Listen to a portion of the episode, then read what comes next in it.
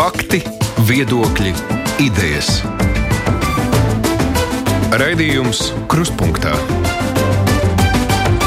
ar izpratni par būtisko.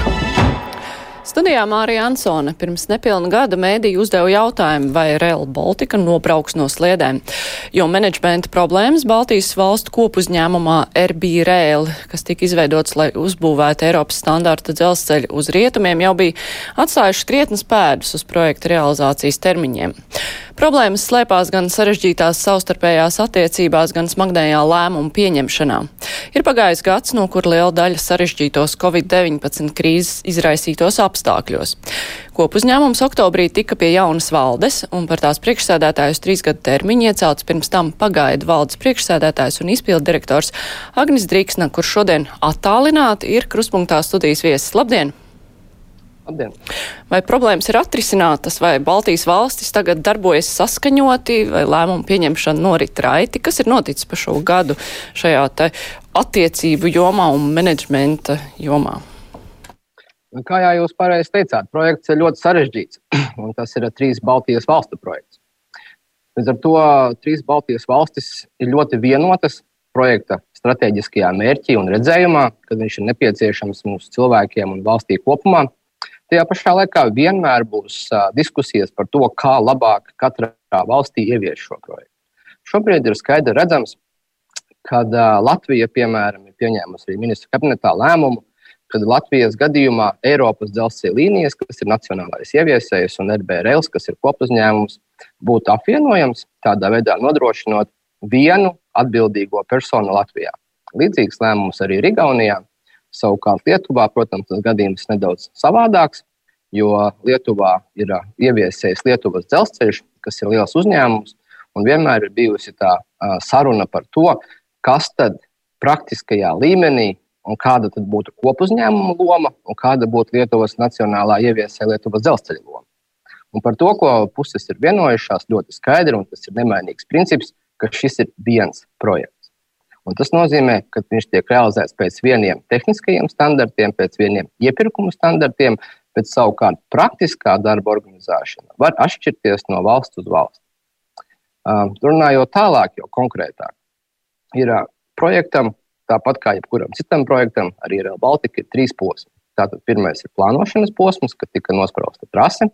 Otrais posms ir projektēšana, tad tiek izstrādāti tehniskie risinājumi, kādā veidā tam ir jābūt. Un trešais posms ir būvniecība. Un katrā no šiem posmiem, gan projekta ieviesējām, gan arī valstīm, ir dažādi uzdevumi. Ja mēs skatāmies plānošanu, tas nozīmē, ka iesaistītas ir ļoti daudz pašvaldības, un ministrijas un atbildīgās valsts iestādes, lai pieņemtu šo strateģiskos lēmumus par trases atrašanās vietu. Vai tas iet Rīgā vai neiet, un kā tas iet cauri, un tas ir tāds strateģiskais. Savukārt projektēšanas fāzē ir ļoti būtiski jau nodrošināt šo ieviesēju un atbildīgo koordinātoru iesaisti, lai pamatojoties uz valsts lēmumiem, tiktu izstrādāts labākais tehniskais projekts, lai tas ņemtu vērā gan dzelzceļa vajadzības, lai mēs sasniegtu vēlamos ātrumus, dzelzceļa kvalitāti, ilgspējību, finansiālo ieguldījumu, samērīgumu un tajā pašā laikā iedzīvotāju intereses. Vai tie būtu Rīgas, Tallinas vai Viņas iedzīvotāji, un patiesībā visi iedzīvotāji kopumā. Un, uh, tad nākamais posms ir, protams, būvniecība. Un katrā no šiem posmiem, kā jau minēju, ir būtiska atšķirība, kas ir jādara katrai no projekta iesaistītajām pusēm.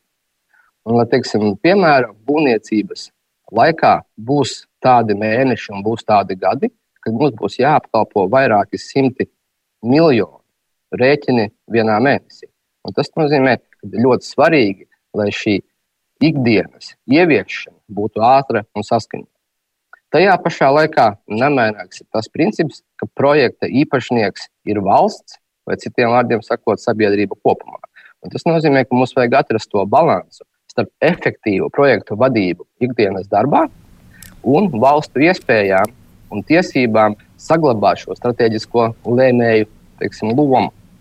Bet eh, nu, šis balans sākumā, kad tika izveidoti šis te kopējais Baltijas valstu uh, kopuzņēmums un uh, atsevišķās sabiedrības, kas ir katrā valstī, nu, tad jau bija arī domāts, lai šis balans tiek ievērots.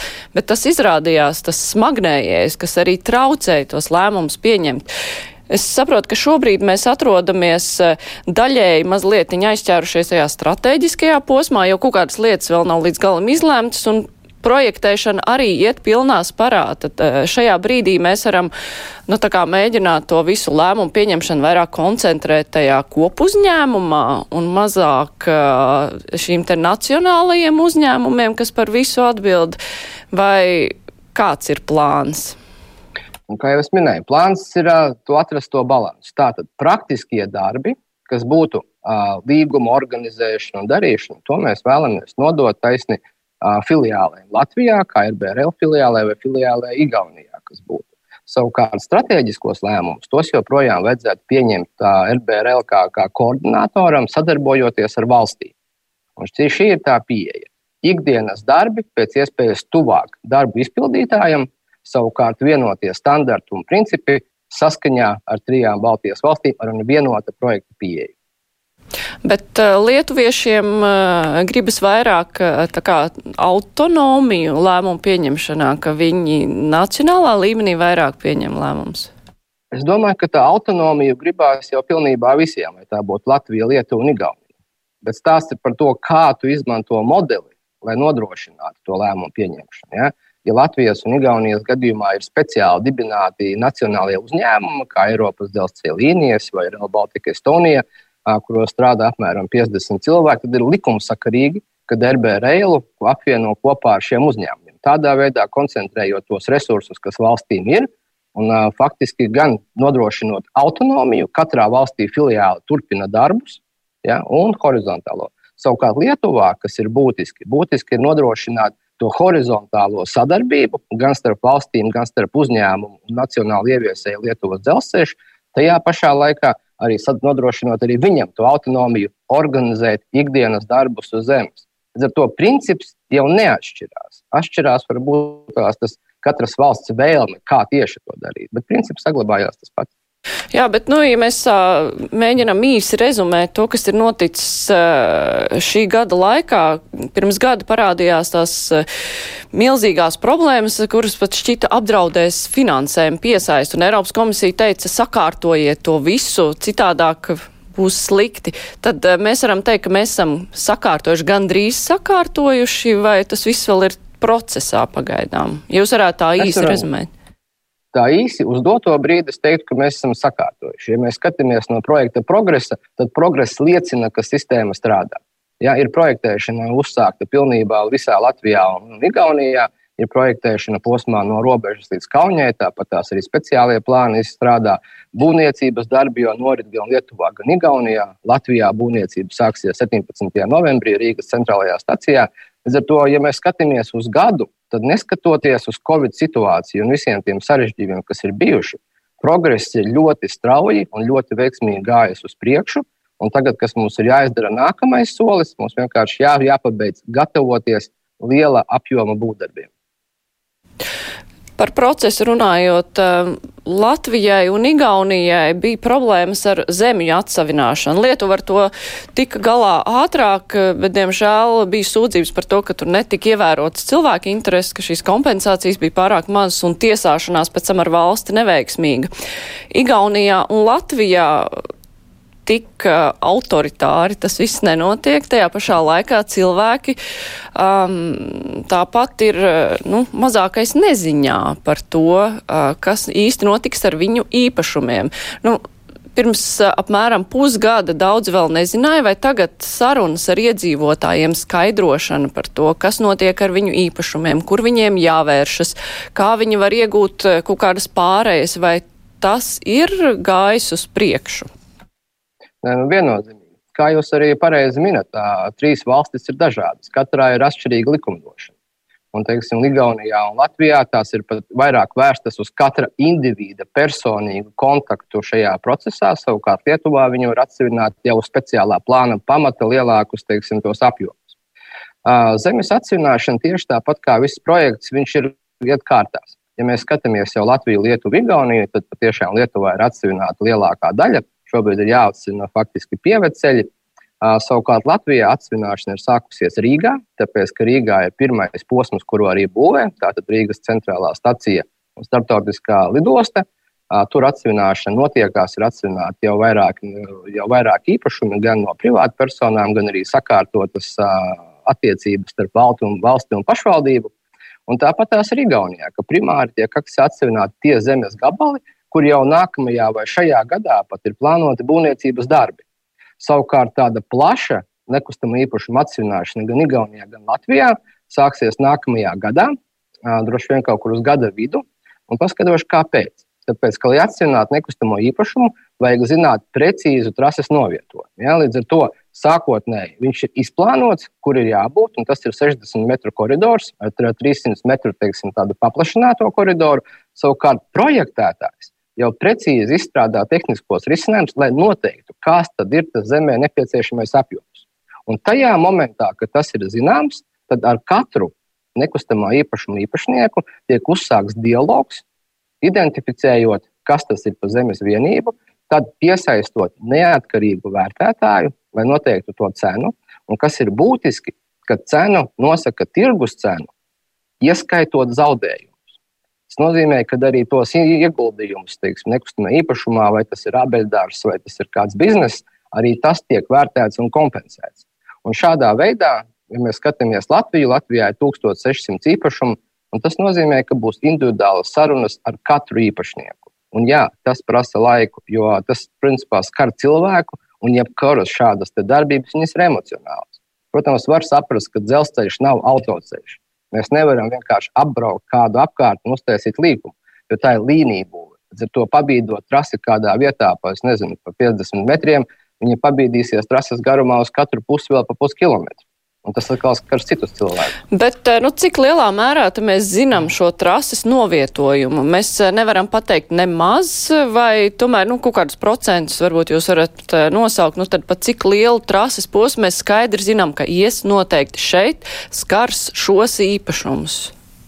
Ne, nu, par trases novietojumu, kā jau teicu, mēs zinām faktiski visu trases novietojumu Latvijā, Lietuvā un Igaunijā. Mēs zinām šo 60 metru koridoru.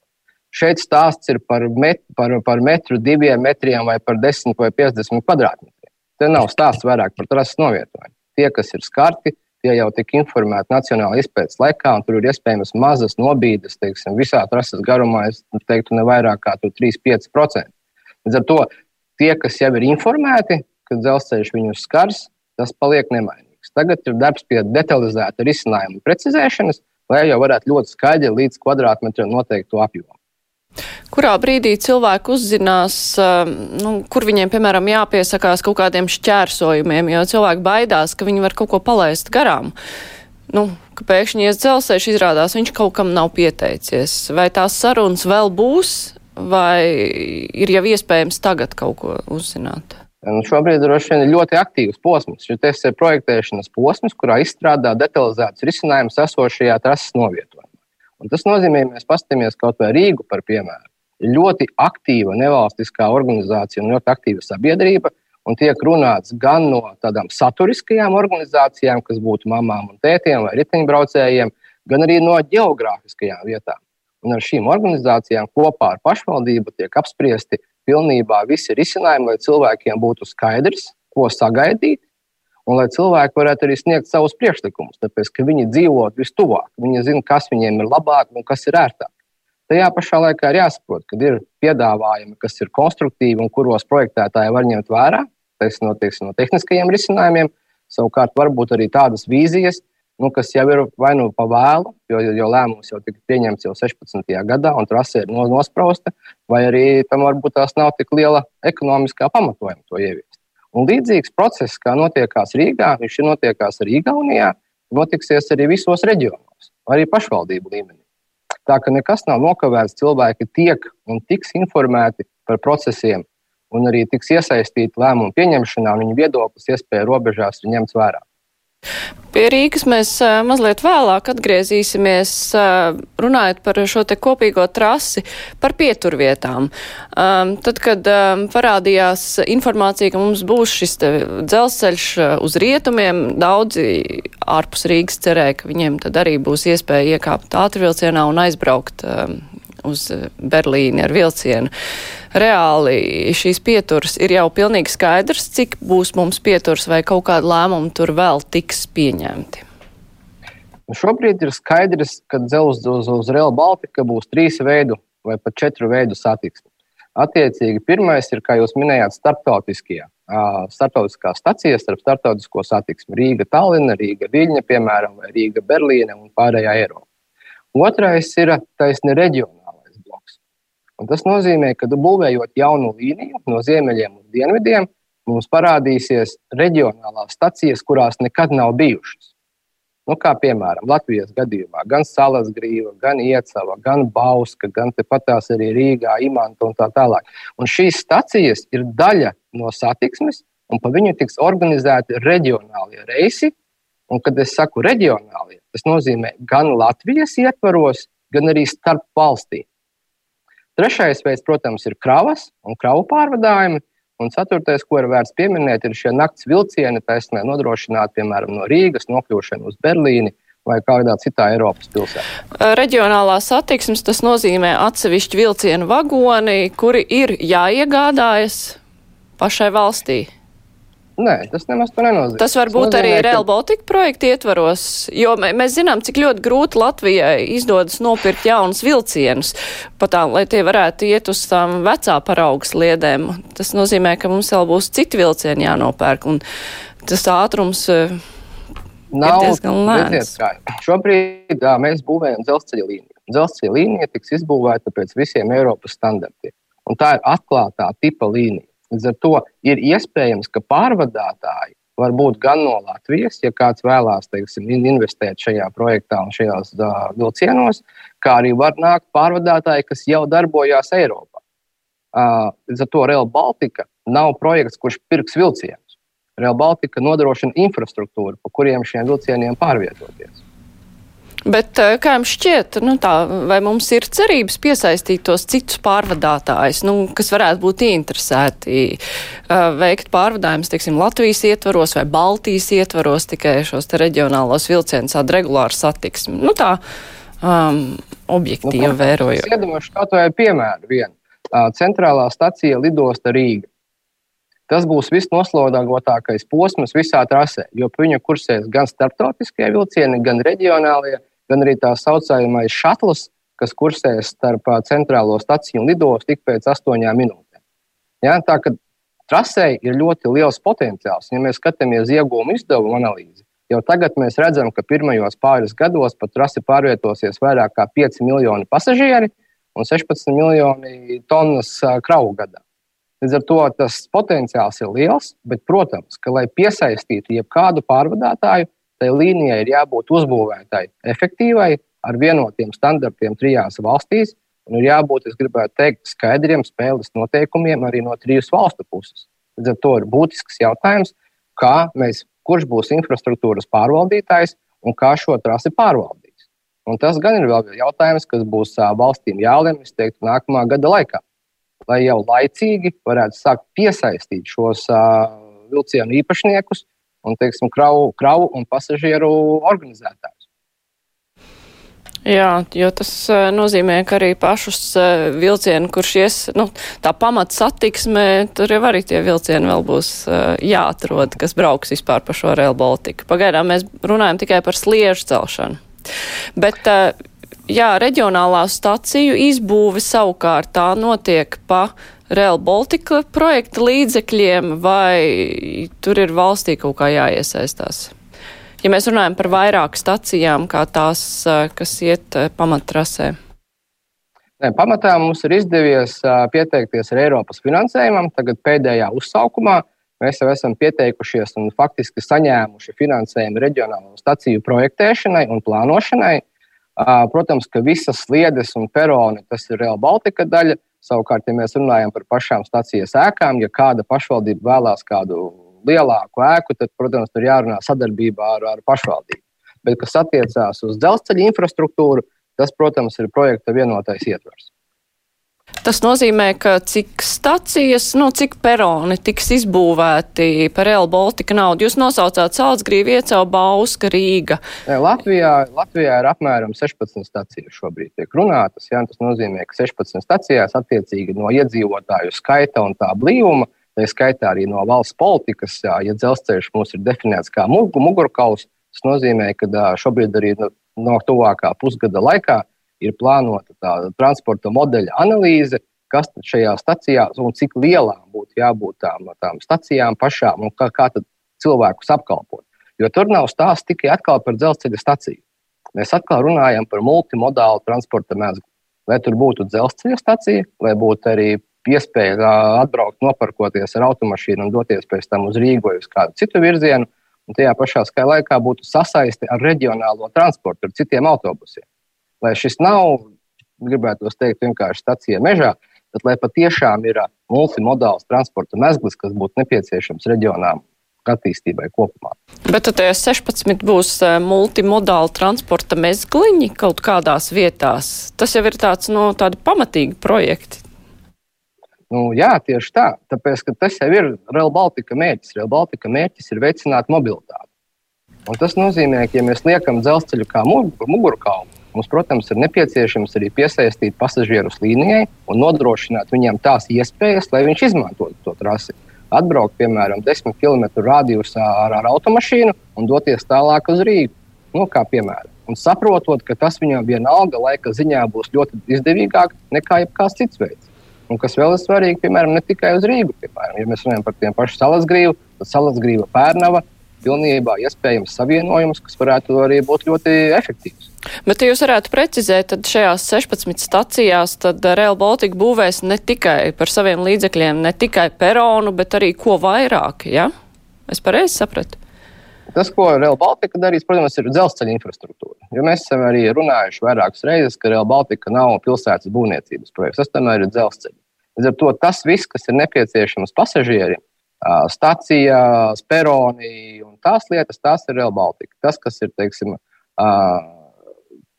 aktuālās teritorijas vai šis teiksim, stāvvietas vai tā tālāk, tas, protams, ir tālāk jau valsts un pašvaldības. Bet kas ir labā ziņa, kad tās jau jā, nav jābūvē šodien. Tas nozīmē, ka mums ir nākamā septiņu gadu finanšu plānošanas perspektīva, kurā jau no valsts un pašvaldību pusēm var laicīgi paredzēt līdzekļus, lai uz to Real Baltica pabeigšanas brīdi mums būtu ne tikai starptautiskā satiksme, bet arī reģiona. Tas nozīmē, ka Real Baltica tomēr šos multimodālos centrus nebūvēs, tos projektēs paš, pašvaldības un valsts. Bet jūs varētu nosaukt šīs 16 vietas, kur tad būs tās stacijas ar peroniem kuras izbūvēs Real Baltica? Ziniet, kā es drīzāk aicinātu, tad jā, ienākt mājaslapā un paskatīties to Real Baltica karti un apstīties pilnībā precīzi. Jo tur jau nav stāsts tikai par Latviju, jo stāsts arī ir par Lietuvu un Igauniju. Un Latvijā tās ir apmēram 16, Igaunijā un Lietuvā ir no 14 līdz 17. Līdz ar to arī var apstīties Real Baltica mājaslapā gan operacionālo kustības plānu, gan arī pašu staciju potenciālo izvietojumu. Nu, jā, nu, diemžēl visiem radioklausītājiem nav tādas iespējas, bet uh, gan mēs atradīsim iespēju tad informēt. Tieši tā. jā, es atgādināšu klausītājiem un Latvijas televīzijas skatītājiem, ka šodien mūsu studijā attālināti ir eh, Baltijas valstu kopuzņēmuma RBRL valdes priekšsēdētājs Agnis Driksna. Raidījums Krustpunktā. Par Rīgu jūs jau pieskārāties Rīgai, ka Rīgā tiek organizētas sanāksmes apspriedes, lai cilvēkus informētu un lai arī varētu saņemt viņu priekšlikumus par to, nu, kā tad labāk sadzīvot ar šo trasi. Cik lielā mērā tad cilvēku priekšlikumi tiek ņemti vērā, jo nu, pēdējais bija arhitekti, bija pauduši satraukumu par to, ka šis te loks uz lidostu sašķels uh, Rīgā daudzas apkaimes, un, uh, kuras turklāt ir ļoti blīvi apdzīvotas.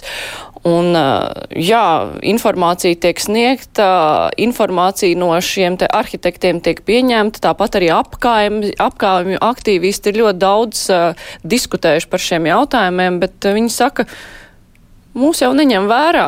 Pasaka, jā, mēs pieņemam zināšanai, mēs ņemsim vērā, bet reāli nekas netiek ņemts vērā. Un, Tad sanāks tā, ka šī trase sašķels pilsētu divās daļās, tā būs grūti šķērsojama. Un mēs tikai nerunājam pat ne tik daudz par autotransportu, bet īpaši kājām gājējiem. Kā nu, tad notiek? Nav. Uh -huh. Jo pirmkārt, jau kas ir Real Baltica Rīgā ienāk iekšā pa esošo dzelzceļa koridoru. Līdz ar to mēs neveidojam vai kaut kādās jaunās vietās, vai ko mēs izmantojam esošo dzelzceļu koridoru, kas nozīmē, ka tā vietā, lai Real Baltica, ko, ko, ko var izdarīt, viņš var patiešām uzlabot pilsētas vidi, jo esošajā dzelzceļa koridorā šobrīd investīcijas par drošību, piemēram, jā, vai par, par trokšņa piesārtību nav plānotas. Savukārt Real Baltica, ejot vienā koridorā, viņiem ir iespēja šīs investīcijas veikt. Un tas nozīmē, ka mēs, izbūvējot Real Baltiku, arī izbūvēsim šķērsojumus gan priekš auto, gan priekš velo, gan priekš kājām gājēji pāri abām divām infrastruktūrām. Bet jūs tikko minējāt pāri. Bet jūs tikko minējāt pāri abām infrastruktūrām. Nu, tas uh, nozīmē, ka ja, ja šī trasa iet zemes līmenī, tas nozīmē, ka cilvēkiem nāksies kāpt pāri.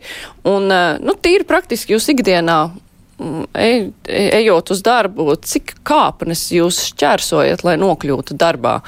Vai tas ir jūsu ikdienas maršrutā tāds tilts kāds? Varu, es varu precizēt, ka tie šķērsojumi ir vai nu pāri, vai nu pārpakšu. Tāpēc, ka šķērsot dzelzceļu, teiksim, neatļautās vietās, tas joprojām arī tagad nav atļauts. Un, piemēram, tad, kad tika veikta šo plā, šķērsojumu plāns, kas joprojām tiek strādāts kopā ar nevalstiskajām organizācijām un Rīgas domu, tika veikts tā saucamā identificēti visi šķērsojumi, kas ir Rīgā. Tā skaitā, kas ir šobrīd un kas ir legālie, tādi, kurie ir plānotie, un tie, kas ir tradicionāli, varbūt tās īstenotie, bet kas nav ne likumīgi, ne, ne, ne arī droši. Un pamatojoties uz to, kā to, ja mēs skatāmies pārdaugavu, tad tur ir septiņos kilometros paredzēti vairāk kā 20 šķērsojumi.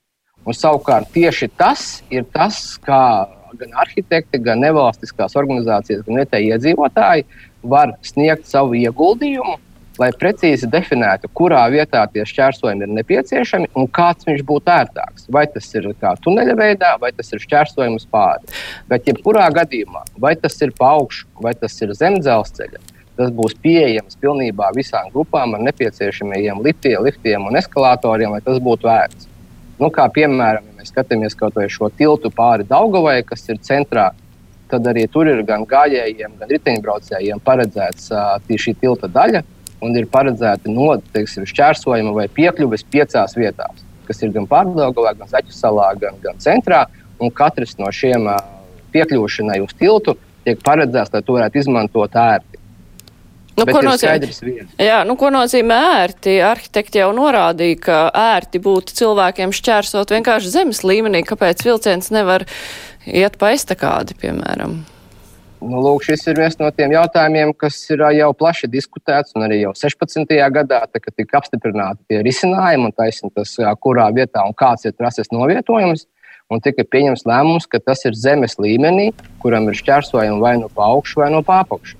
Jo iedomājieties, ja mēs uzliktu staciju, dzelzceļu tikai Real Baltica dzelzceļu uz estakādes, tas mums droši vien neko nedod, jo saglabājās 15, 20 esošā dzelzceļa infrastruktūra uz zemes. Tas nozīmē, ka jāpaceļ abas infrastruktūras uz estakādes. Rezultātā mēs iegūtu uh, milzīgas estakādes, vairāku simtu metru platumā. Es pat negribu runāt par to, kas izmaksātu kādas 4-5 reizes dārgāk nekā tas ir tagad, bet kaut vai no tādas pilsētas skata un viedokļa. Savukārt, tajās vietās, kur ir iespējams to realizēt, to mēs darām sadarbībā ar pilsētu, kā piemēram Rīgas centrālajā stacijā, tiek norakts uzbērums starp Daugovu un starp Stokmanu, tiek norakts uzbērums arī pie centrālās stacijas, radot šo multimodālo transporta mezglu. Tāpat tās arī lidostā Rīga, piemēram, tiek, tiek izvietota estikāde, lai neapgrūtinātu piekļuvi lidostai. Līdz ar to, tur, kur tas ir iespējams, tas tiek darīts. Savukārt, tur, kur tas nebūtu racionāli, tur tiek meklēti labākie risinājumi, kādā veidā uh, pārvietoties no vienas daļas uz otru. Un, ja mēs skatāmies, kā jau minēju, tie vairāk par 20 šķērsojumiem, tas nozīmē, ka legāls, drošs šķērsojums būs ik pēc 300-400 metriem. Uh, risinājums arī bija veidot garāku tuneli Rīgas teritorijā.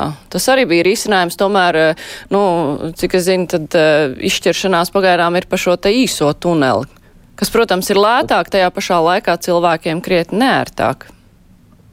Tunelis ir tāds vēsturisks jautājums, jo sākotnēji jau izskatīja visus variantus, kā dzelzceļš ienāk Rīgā.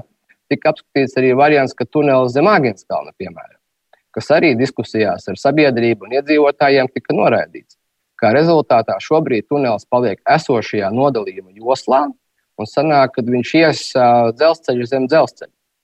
Un, uh, sākotnēji tika plānots, ka tas būs divi ar pusi kilometrus garumā, bet ņemot vērā teiksim, to sarežģītību, tīpaši, ja mēs skatāmies, kad jāšķērso ar mārupīte, kas būtu tuneļa līmenī, tad uh, dizaineriem ir atradies, uh, atraduši risinājumu, lai varētu tuneli samazināt un jau izvest ārā pirms mārupītes. Un tā tuneļa izvešana laukā tā jau arī sagādā tās lielākās problēmas. Klausītājs raksta, uzbur skaistu demokrātisku pasaku, kurā īstenībā iedzīvotājiem nav nekādas teikšanas. Tas viss jau sen ir izlemts. Tas pats Aniņa Mūžs un Imants stāsts, neskatoties uz protestiem, ceļu rullis iet savu ceļu, jo tagad notiek atsaukšanās uz 16. gadu, kad eh, Kučinska valdība ir pieņēmusi lēmumus šos te konceptuālos, bet tādas īstas apspriešanas pirms tam jau nebija, jo tad bija arī tā skaistā pasaka kā mēs ērti aizbrauksim uz Berlīnu, bet par detaļām tad runāsim vēlāk. Tagad, kad ir pienācis laiks runāt par detaļām, tagad vairs īsti nav iedzīvotājiem arī nekādas teikšanas. Viņi var tikai izlemt, vai viņi kāps pa tādām trepēm vai citādākām. Es nevarētu piekrist šādam apgalvojumam, tāpēc, ka arī, arī sākotnēji, ja mēs atceramies 16. gadu, tad piedalījās vairāk kā 5000 cilvēku apspriedēs un tika rīkotas šīs no nevalstiskajām organizācijām un pašvaldību un visiem iesaistītajām pusēm. Un tas notiekās līdz pat šai dienai. Bet cik lielā esam... mērā viņu priekšlikumi tika ņemti vērā? Kurš iedzīvotāju priekšlikums ir iedzīvināts? Šobrīd principā vēl notiekās projektēšanas darbi tādā ziņā. Un, kā jau minēju, visi šie priekšlikumi, kas ir racionāli un, un, un pēc būtības, viņi tiek apkopoti, arī tiekās regulāri gan ar nevalstiskajām organizācijām, gan ar pašvaldību. Un kas ir vēl īpaši šobrīd, teiksim, Rīgas gadījumā, ja mēs runājam tīri par Rīgu, kad lokāli plānojums tiek izstrādāts kopā ar dzelzceļa tehniskajiem risinājumiem. Un tā ir diezgan unikāla prakse, lai izdotos salāgot to, ko var izdarīt dzelzceļš priekš pilsētas, tā skaitā sakārtot teiksim, drošu dzelzceļu, veicināt apkārtējās vides uzlabošanu, tos pašus drošos šķērsojumus, un lokāli plānojums atkal paredzētu, ko tad pilsēta var darīt. Un, ja mēs runājam par kādiem konkrētiem šķērsājumiem, tad katrā no tiem nevienmēr viedoklis ir viennozīmīgs. Nu, piemēram, teiksim, paņemam gadījumu, kad uh, vēsturiskie tilti, kas ir uh, Toņkalnā. No vienas puses, runājot ar sabiedrību, mēs redzam, ka cilvēki vēlētos saglabāt daļu no vēstures. No otras puses, ja mēs runājam ar cilvēkiem, viņi atkal vēlās, lai šie neefektīvie tilti tiktu pārveidoti jaunos, modernos, kur būtu pietiekama plūsma gan priekš auto, gan priekš kājām gājējiem un riteņbraucējiem. Zato tā diskusija, tāpēc viņa tiek saukta diskusija lai saprastu, ko tad vispār cilvēki vēlās un ko mēs varam no tā īstenot. Nu, droši vien tie ir divi dažādi cilvēki, kur vēlas domāt par kultūru vēsturisko un kur vēlas eh, paplašināt tiltus, bet tomēr jūs jau minējāt, ka ir noteikti apspriešanas, mēs uzklausām priekšlikumus, bet mēs ņemsim vērā tikai to, ko mēs varam ņemt vērā. Un, kā var saprast, tad nekas, kas patiešām cilvēkiem būtu ērti un vienkārši pēc tam izmantojot šo trasi arī vērā ņemts netiks, jo viss jau ir izlemts. Tā nav mazliet tāda kā, nu, tomēr liekulība. Tā drīzāk ir tāda interpretācija, ko jūs tagad sakat. Tāpēc, kad cilvēki iesaistās un, piemēram, teiksim, ja ir redzama vieta, ka tā šķērsojums pa virzemi nav, nav racionāls, un cilvēkiem liekas, ka tas ir labāk darāms, teiksim, taisnīgi ar tuneļa risinājumu, Tad šāds risinājums tiek piedāvāts arī no projektētāju vides turpmākajai realizācijai. Tā kā šobrīd, teiksim, tajos šķērsojumos ir ļoti liela un atvērta diskusija, kurā vietā kāds šķērsojums ir labāks. Bet, protams, ka mēs nevaram arī uzskatīt, ka katrs iedzīvotājs ir projektētājs un ka projektētājiem tomēr beigās ir jāpieņem tas lēmums, ir jānes atbildība. Nu, bet uh, jūs taču piekrītat, apliecina... ka, ka cilvēkiem tās izvēles iespējas nav īpaši lielas, vai nu paukšu vai papakšu, un abas tās izvēles iespējas ir nērtas. Nu, labi, tagad, kādas vēl izvēles iespējas mēs gribētu? Tāpēc, ka, nu, principā, dzelzceļu šķērsot neatļautās vietās nedrīkst. Līdz ar to ir šķērsošanai vai nu pa augšu, vai nu pa apakšu. Jā, jo, jo variants, ka vilciens iet eh, pats pa augšu vai pa apakšu, tas jau ir izslēgts. Tas nozīmē, ka cilvēkiem ir tikai ilūzija, ka viņi var kaut ko ietekmēt. Patiesībā viņi neko tā īsti savā labā nevar ietekmēt. Un turklāt runa ir par tūkstošiem cilvēku, kas dzīvo šajos rajonos. Tā nav, ka tā ir kaut kāda maz apdzīvot vieta. Starp citu, kāds ir uh, tad plāns, nu, cik tad liels būs tās pasažieru plūsmas, teiksim, kas iekāps Tallinā un aizbrauks sērti līdz lidostai un izkāps lidostā. Nu, Cik Jā, daudz tādu cilvēku būs? Paredzēts, ka šobrīd jau pirmajos pāris gados tās vairāk kā 5 miljoni pasažieru gadā pārvadās pa dzelzceļu. Pa dzelzceļu, jā, šis, bet kur izmantos jā. tieši šo te lidostas variantu, jo tie pārējie varbūt gribētu aizbraukt ātrāk pa taisnos Berlīnu. Kāpēc viņiem kratīties cauri visai Rīgai? Tāpēc, kad pirm, pirmkārt jau ir stāsts par lidostu kā tādu. Ja mēs skatāmies no Baltijas kontekstā, ir ļoti būtiski, lai visās trijās valstīs tiktu nodrošināta līdzīga, līdzvērtīga savienojuma. Un, ja mēs savienojam Viņas lidostu ar dzelzceļu, Tallinā lidostu ar dzelzceļu, tad ir būtiski, lai arī Latvijā lidosta tiktu savienota ar dzelzceļu. Jo Latvijā tas ir viens no strateģiskākajiem objektiem, kas ir lidosta. Viņi ir kā Baltijas transporta mezgls. Bet Rail Baltica infrastruktūra bija vienīgais variants. Nevarēja domāt cits variants, jo kādreiz bija ideja ātrgaitas tramvajs uz lidostu. Bija tad eh, pat reāli projekti bija. Ne, iespējams, ka var domāt dažādus risinājumus, bet, ja mēs skatāmies taisni uz, uz dzelzceļa savienotību, tad būtiski ir, ka lai pasažieris ar pēc iespējas mazāk pārsēšanām nonāk no punkta A uz punktu B. Tika izskatīti kādreiz arī varianti, ka dzelzceļš vispār Rīgā neienāk un ka pie upes lejām varētu kāpt ārā. Bet nu, tādā ziņā es uzskatu, ka Latvija būtu milzīgs zaudētājs. Un ka, protams, ka no Baltijas un no transporta viedokļa skatoties, arī no kopuzņēmuma, ir būtiski nodrošināt šīs pieejas pilnībā pie visiem lidlaukiem un būtiskajiem infrastruktūras mezgliem. Kā jau minēju sākumā, posms starp lidostu un centrālo staciju būs viss noslogotākais visā projektā. Un tas nenozīmē, ka tur brauc tikai pasažieri, kas brauc uz Berlīnas ar to posmu. Nē, tie ir lidostas klienti, kas brauc no centrālās, no Rīgas centra uz lidostu. Tie ir visi lidostas darbinieki, kuriem varētu doties ar šo punktu. Tie ir tie cilvēki, kas izmanto šo šatlu, lai nokļūtu tajā pašā imantā vēl pa ceļam, vai, vai Āgenskalnā, vai, to, vai Toņkalnā atvainojos. Līdz ar to tās posmas nes pie, pie, pie vērtību ne tikai globālajam projektam, bet arī Rīgas iedzīvotājiem un pasažieriem.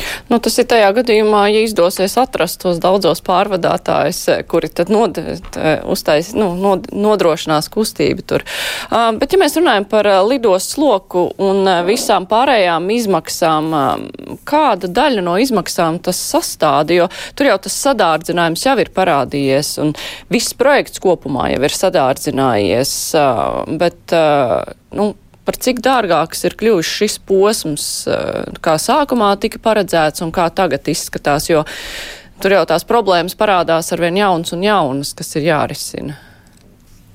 Jā, sadārdzinājums projektā nu, nav, nevis nevaram runāt par tādu klasisku sadārdzinājumu. Tevis nav jau tā, ka jūs pirkāt uh, desmit ābolus agrāk par desmit naudiņām, tagad pirksiet desmit par divdesmit naudiņām.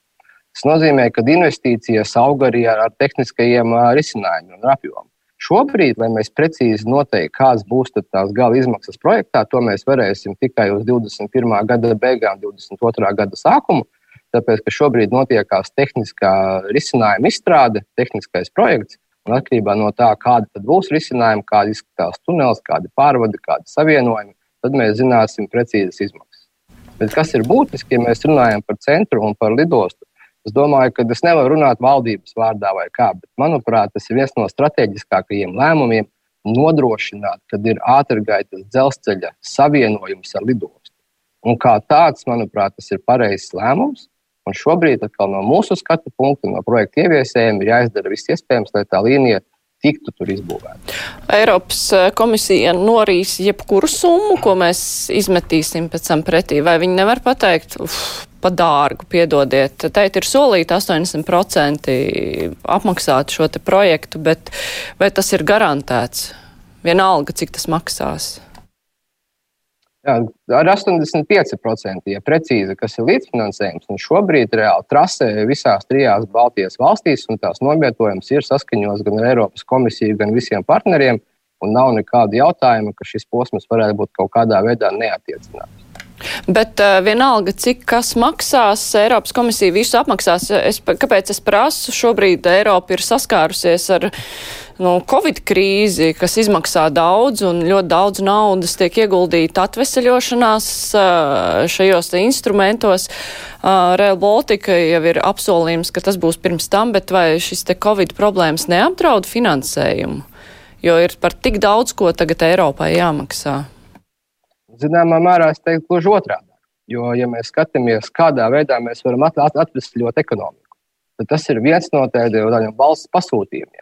Un investīcijas infrastruktūrā viennozīmīgi ka ir šādas, šādas darbības, un uh, investējot jau tuvākajos gados vairākus simtu miljonus, un līdz 26. gadam uh, Baltijā kopumā 6 miljardus, tas dos būtisku ieguvumu tautsēmniecības uh, atlapšanā jo sākot jau no nākamā gada sāksies būvniecības darbi, un tas ir simtiem un pēc tam arī desmitiem tūkstoši jaunas darba vietas. Līdz ar to tas ir būtisks stimuls ekonomikā un priekš Baltijas Es domāju, tas ir viens no labākajiem veidiem, kā šo ekonomiku stimulēt. Uh, Latvijā jau arī tagad, nu, kad bija pie, sākās runas par šo te Eiropas atvesļošanās instrumentu pieejamību, nu, mums ir lieli būvniecības plāni, vai mums nepietrūks cilvēku, kas būvē? Šis ir viens no projekta izaicinājumiem. Šis ir viens no projekta izaicinājumiem visās trijās Baltijas valstīs saulaicīgi plānot gan būvniecības loģiku, gan arī saulaicīgi informēt ražojošos uzņēmumus, kādi materiāli būs vajadzīgi un nodrošināt arī darba spēku. Bet kopā, ar, šis... Mhm, jā, bet eh, kopā ar visu, ko tagad taisās būvēt un kā, kādās infrastruktūrās ieguldīt, vai tas nevar izraisīt kaut kādu pārkaršanas efektu? Es domāju, ka tas laiks ir pietiekami ilgs, un mēs sākam jaunu finanšu plānošanas periodu. Ja, tas nozīmē, ka daļā projektu joprojām notiksies plānošana un projektēšana, un būvdarbi sāksies tikai uz 25. 6. gada. Savukārt Real Baltica ir gatavs būvēt jau no nākamā gada. Līdz ar to es domāju, ka tas ir secīgi. Bet tas, kas ir būtiski, patiešām par šo sinerģiju kopā ar citiem infrastruktūras objektiem un citiem būvniecības darbiem. Tā sakot, princips rodas vienreiz. Ja, ja mēs varam laicīgi saplānot, ka tas ir darāms kopā, noteikti tas tā ir jādara. Un otrā lieta, kā jau minēju, mēs skatāmies no globālā projekta ne tikai uz kādu vienu konkrētu posmu Latvijā, vai Igaunijā vai Lietuvā, bet mēs skatāmies uz visu trasi kopā. Tas nozīmē, ka plānojot, lai nav tā, ka visi resursi, piemēram, ir vienā valstī un uz vieniem desmit kilometriem, bet lai mēs viņus varam savstarpēji izlīdzināt visās valstīs, un ja mēs, piemēram, liekam sliedas, lai mēs viņiem varam likt secīgi vienu posmu pēc otra, nevis atrauti katrā valstī kādā savā, savā vietā. Um, jūs jau pieminējāt uh, šos torņkalnu tiltiņus, par kuriem ir strīdi, kurš grib saglabāt šo kultūra vēsturisko vērtību, kurš grib uh, ērtības uh, lielākas. Runājot par kultūrvēturisko mantojumu, kas tiek skarts ne tikai Rīgā vien, bet arī citās vietās, es izlasīšu vienu vēstuli. Ir liela iespējamība, ka vilciens liedis var uzlikt pāri mūsu tautas kultūras dārzus, saukt par mākslinieku dārzus, kurā kokus sastādījuši 150 lielākie mūsu nācijas dižgari. Tas ir unikāls dārzs, kuram nav līdzīgi visā Eiropā. Tur atrodas daudz dendroloģiskās vērtības, daudz koku ir unikāli, vienīgie no šīs sugas Latvijā. Kokus mākslinieku dārzā stādījušas izcils personas personības, piemēram, komponisti Lūcija Garūta, Raimonds Pauls, dzēnieki Mans Ziedonis, Jānis Peters un vēl daudz citu cilvēku. Tas atrodas Inču kalnu pagastā. Uh, šādi apsvērumi, vai tie tiek ņemti kaut nedaudz, domājot par to, kur iet sliedes? Protams, šajā gadījumā var apliecināt, ka uh, dzelzceļš nešķērso šo parku viennozīmīgi. Mm -hmm. Tad šī parka, šī dārza īpašnieki var justies droši. Bet, ja mēs runājam par citām vietām, kas būs iespējams jāupurē, um, piemēram, arī Rīgā Liepājas ielas vēsturiskais bruģis un Liepālēja. Arī visā Latvijā jūs sekojat līdzi, arī zinat, ka jau pirms pāris gadiem veica uh, arhitektonisko izpēti un kultūra vēsturisko izpēti. Izgāja cauri visiem 265 km, tā skaitā arī Rīgā. identificēja, kādas varētu būt tās potenciālās zonas. Secinājums bija teiksim, kopumā, ka būtiskas ietekmes uz kultūra vēsturisko mantojumu nav.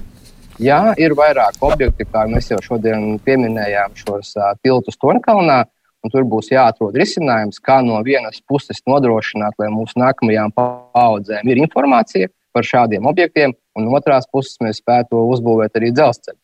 Bet uh, vērtības tiek skatītas no visām aspektiem, gan trases novietojumu plānojot, gan arī pēc tam skatoties detalizētos risinājumus. Ar Stradiņas slimnīcu ir saskaņota būvniecība. Protams, Stradīnas slimnīca ir daļa teiksim, no, no, no viena no ciešākajiem partneriem. Un es zinu, ka ir tāda uh, urbānā leģenda, ka piekļuve pie stradiņiem kaut kādā veidā tiktu liekta vai, vai, vai kavēta. Tas noteikti tā nav. Tāpēc, ka ar stradiņu slimnīcu tiek strādāts jau ar, ar, gan ar inženieriem, gan arī projektu ieviesējiem, lai nodrošinātu šo piekļuvi.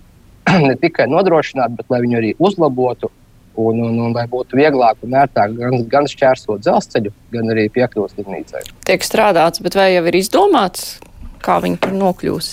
Šobrīd tā pārvaldība tiek ļoti aktīvi, aktīvi tiek izmantot ātrās palīdzības, nepārtraukti tur braukām. Jā, protams, arī būvniecības laikā ne, ne, nevienā momentā netiks pārtraukta satiksme, kamēr nav izbūvēti jaunie pārvadi. Līdz ar to visā pilsētā, ja mēs skatāmies, nebūs tāds brīdis, ka cilvēki nevar, nevarēs pārvietoties. Ja kas, ko varētu izbūvēt vispirms, lai nodrošinātu ērtāku kustību, vai tas ir auto, vai tas ir velo, vai tas ir gājām gājējiem. Tas tiks nodrošināts pirmajā kārtā un tikai pēc tam dzelzceļā. Jūs minējāt, 17. novembris Rīgas stacija sāks, eh, tiks būvēta, sākt būvniecība. Uh, cilvēki ar diezgan lielām šausmām gaida būvniecību Rīgā, vai ir kaut neliela nojausma, kā tas viss tiks organizēts, jo tur vajadzēs gan materiālus vest, tur būvnieki brauks, tur pārvietosies cilvēki. Pēc kā tas viss izskatīsies, vai jums ir jau kaut kādi projekti saskaņoti, kas notiks? Jā, tātad centrālā stacija patiešām būs ļoti iespaidīgs objekts, vissarežģītākais visā trasē. Un tieši tāpēc viņš tiek realizēts vairākās fāzēs. Pirmkārt, visa stacija nekad un nevienā brīdī netiks slēgta. Saglabāsies gan vilciena kustība, gan arī apkārtējā pilsētas kustība. Būvniecības laikā uz atsevišķos brīžos var tikt ierobežot satiksme uz vienas vai otras sliedas, teiksim, ielas, nu, vai tā būtu Gogoļa iela vai Dzirnava iela, bet nekad viņas nebūs ierobežotas vienlaicīgi. Līdz ar to šobrīd tiek arī izstrādāts plāns taisnība būvdarbu organizēšanai, lai nodrošinātu gan dzelzceļa, gan arī pilsētas turpmāko mobilitāti ar pēc iespējas mazākiem ierobežojumiem. Tāpat tās arī tiks veikta cilvēku informēšana gandrīz vai regulārā pamata, lai, var, lai plānojot savas dienas gaitas, ja gadījumā kāda ierobežojuma teiksim, satiksmē būtu, tos jau laicīgi varētu uzzināt. Cik ilgi Rīgas stacija būvēs, uz cik ilgu laiku tā daļa būs, nu, es prognozēju, apstājusies? Nē, kā jau teicu, nekas neapstāsies. Principā viss, viss notiksies gan vilcieni, gan, gan pilsētas satiksme. Un kopumā tagad sāksies būvdarbi jau šī gada 17. novembrī ar plānu, ka viņi ir pabeigti līdz 25. gadam. 20. Atkal, mm -hmm. Kā mēs runājam, nav stāsts tikai par staciju vai stacijas ēku. Tas ir stāsts par teritoriju no Latvijas ielas, ieskaitot arī tiltu. Un tieši šis būvdarbu laiks ir tāds, lai mums nenāktos nevienā brīdī nec slēgt nec staciju, nec arī pilsētas satiksmi. Bet eh, jūs esat liels optimists, tomēr, laikam, neesat redzējis, kā Rīgā remontē ielas kaut vai, kas notiek tuvākajās apkārtnēs. Bet, nu labi, tā tad četrus gadus eh, tiks būvēta stacija, tad nākamais būvniecības posms ir viss, kas notiek Rīgā, vai arī mēs vispirms izliekam trasi uz Berlīnu un tikai pēc tam tos visus pārējos uh, lokus. Kāds ir, kāda ir secība? Tas viss ir atkarīgs šobrīd no būvniecības loģikas, kādu principā mēs izvēlēsimies. Tāpēc ir vairāki veidi, kā to darīt. Sākumā būvēt civilos darbus, un pēc tam likt sliedes vai taisni, vai taisīt mazākus dzelzceļa nogriežus, bet jau pilnā apmērā, kur būtu gan jau uzbērums, gan sliedes un gan, gan sistēmas virsū. Tā kā šis vēl ir priekšā, un par to būs mums jālemj jā, kopā ar trijām Baltijas valstīm. Bet, jebkurā gadījumā, visa projektēšana un būvniecība notiks secīgās kārtās. Nebūs tā, ka vienā dienā būvdarbi sāksies pilnībā visā Latvijā vai visā Baltijā. Tas vienkārši fiziski nav iespējams. Bet tā no loģikas viedokļa vispirms ir jā, jāuzbūvē tā pamata trase, nu, lai to Tallinu varētu aiz, aiz Tallinas vilciens aizbraukt līdz Viļņai, vai mums ir, nu, mēs vispirms tad tiksim galā ar Rīgu un pēc tam tikai ļausim tam vilcienam braukt tālāk. Nu, no loģikas viedokļa, kā vajadzētu?